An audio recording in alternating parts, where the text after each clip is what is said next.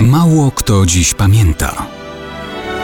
Datownik historyczny prezentuje Maciej Korkuć.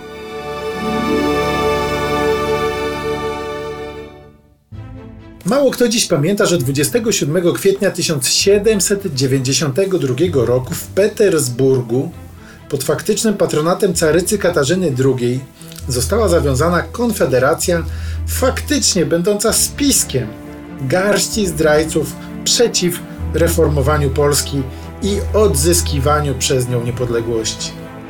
Później została ona ogłoszona w formie manifestu w miejscowości Targowica, już na terenie Polski.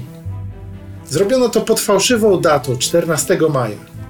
Akt Konfederacji Targowickiej w owym manifestie ogłaszał unieważnienie uchwał Sejmu Czteroletniego. Potępiał wszystkie próby reform, przede wszystkim piętnując Konstytucję 3 maja. Rosję ogłaszał gwarantką ustroju Rzeczypospolitej.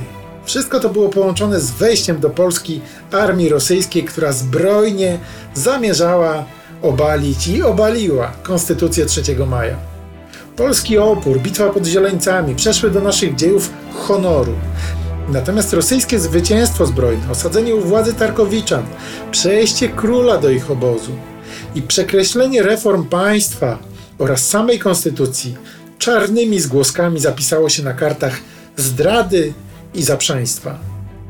Budzi zdumienie, jak dokładnie taki mechanizm powtarzał Stalin w 1944 roku. Utworzenie marionetkowego PKWN w Moskwie fałszywie prezentowano jako dokonane w innym czasie i w innym miejscu w kraju.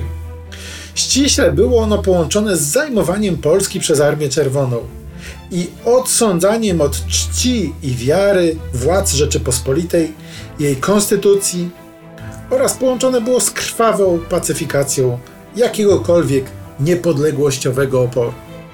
No tak, mówi się, że historia lubi się powtarzać. Ja bym powiedział, że Rosja bardzo lubi powtarzać swoje metody.